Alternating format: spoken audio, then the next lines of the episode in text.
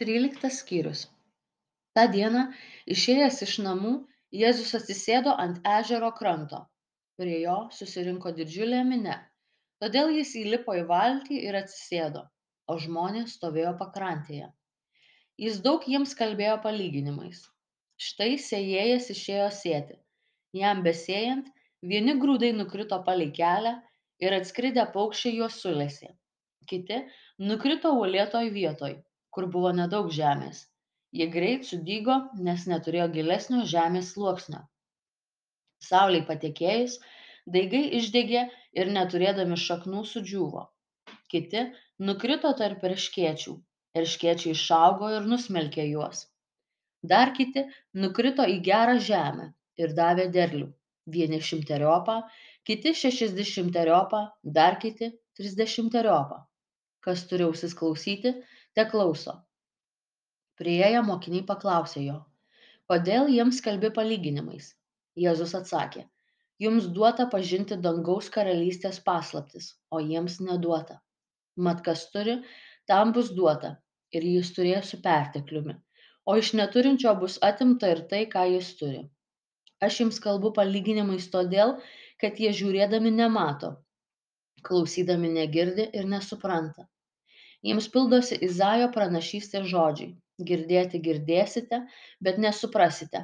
Žiūrėti žiūrėsite, bet nematysite. Šitų žmonių širdys aptuko. Jie prastai girdėjo ausimis ir užmerkė akis, kad nepamatytų akimis, neišgirstų ausimis, nesuprastų širdimi ir neatsiverstų. Ir aš jų nepagydyčiau. Bet palaimintos jūsų akys, nes mato, ir jūsų ausys, nes girdi. Iš tiesų sakau jums, daugelis pranašų ir teisiųjų troško išvysti, ką jūs matote, bet neišvydo, ir girdėti, ką jūs girdite, bet neišgirdo. Tad pasiklausykite palyginimo apie sėjėją. Pas kiekvieną, kuris girdi karalystės žodį ir nesupranta, ateina piktasis ir išplėšia, kas buvo pasėta jo širdyje. Tai yra pasėlis prie kelio. Pasėlis uolėtoje vietoje. Tai tas, kuris girdėdamas žodį tuojau su džiaugsmu jį priima. Tačiau jis be šaknų nepastovus žmogus. Kilus kokiam sunkumui ar persekiojimui dėl žodžio jis tuoj pat pasipiktina. Pasėlis tarp erškėčių tai tas kuris klauso žodžio bet šio pasaulio rūpesčiai ir turtų apgaulė nustelbia žodį ir jis lieka nevaisingas. O pasėlis geroje žemėje tas kuris girdi ir supranta žodį tas ir neša vaisių kas duoda šimteriopą, kas šešiasdešimteriopą, o kas trisdešimteriopą. Jis pateikė jiems kitą palyginimą. Su dangaus karalyste yra kaip su žmogumi, kuris pasėjo dirboje gerą sėklą. Žmonėms bemiegant atėjo jo priešas, pasėjo kviečiuose raugių ir nuėjo. Kai žalmuo paugėjo ir subrandino vaisių, pasirodė ir raugės. Šeimininko tarnai atėjo klausė, šeimininke argi ne gerą sėklą pasėjai savo lauke?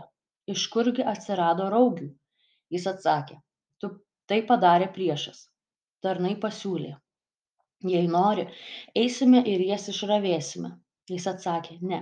Kad kartais ravėdami rauges neišrautumėte kartu su jomis ir kviečių. Palikite abejus augti iki pjūties. Pjūties metu pasakysiu pjovėjams. Pirmiau išrinkite rauges ir suriškite į pėdelius sudeginti. O kviečius sukraukite į mano kluoną jis pateikė jiems dar vieną palyginimą. Dangaus karalystė yra kaip garstyčios grūdelis kurį žmogus ėmė ir pasėjo savo dirvoje. Nors jis mažiausias iš visų sėklų bet užaugęs būna didesnis už visus augalus ir tampa medeliu. Net padangių paukščiai atskridę susisuka lizdus jo šakose jis pasakė ir dar kitą palyginimą. Dangaus karalystė yra kaip raugas kurį moteris įmaišė trijuose saikuose miltų ir nuo jo viskas įrūgo visa tai jėzus kalbėjo minioms palyginimais. Ir be palyginimų jis jiems nekalbėjo kad išsipildytų kas buvo per pranašą pasakyta. Aš atversiu savo burną palyginimais skelbsiu nuo pasaulio sukūrimo paslėptus dalykus paleidęs minias jėzus parėjo namo. Prie jo priėjo mokiniai ir prašė išaiškink mums palyginimą apie raugės dirvoje. Jis jiems atsakė, sėjantysis gerą sėklą yra žmogaus sūnus, dirva tai pasaulis, gera sėkla karalystės vaikai, o raugės piktojo vaikai. Jas pasėjęs priešas velnės, pjūtis pasaulio pabaiga, o pjovėjai angelai. Taigi, kaip surenkamos ir sudeginamos ugnyje raugės taip bus ir pasaulio pabaigoje. Žmogaus sūnus išsiųs savo angelus tie išrankios iš jo karalystės visus papiktinimus bei piktdadarius ir įmes juos į ugnies krosnį. Ten bus verksmas ir dantų griežimas tada teisieji spindės kaip saulė savo tėvo karalystėje kas turi ausis klausyti te klauso. Dangaus karalystė yra kaip dirvoje paslėptas lobis. Atradęs jį žmogus tai nuslepia iš to džiaugsmo eina parduoda visa ką turi ir perka tą dirvą. Vėl su dangaus karalyste yra kaip su pirkliu ieškančiu gerų perlų. Atradęs vieną brangų perlą jis eina parduoda visa ką turi ir nusiperka jį ir vėl su dangaus karalyste yra kaip su jūron metamu tinklu užgriebiančių įvairiausių žuvų.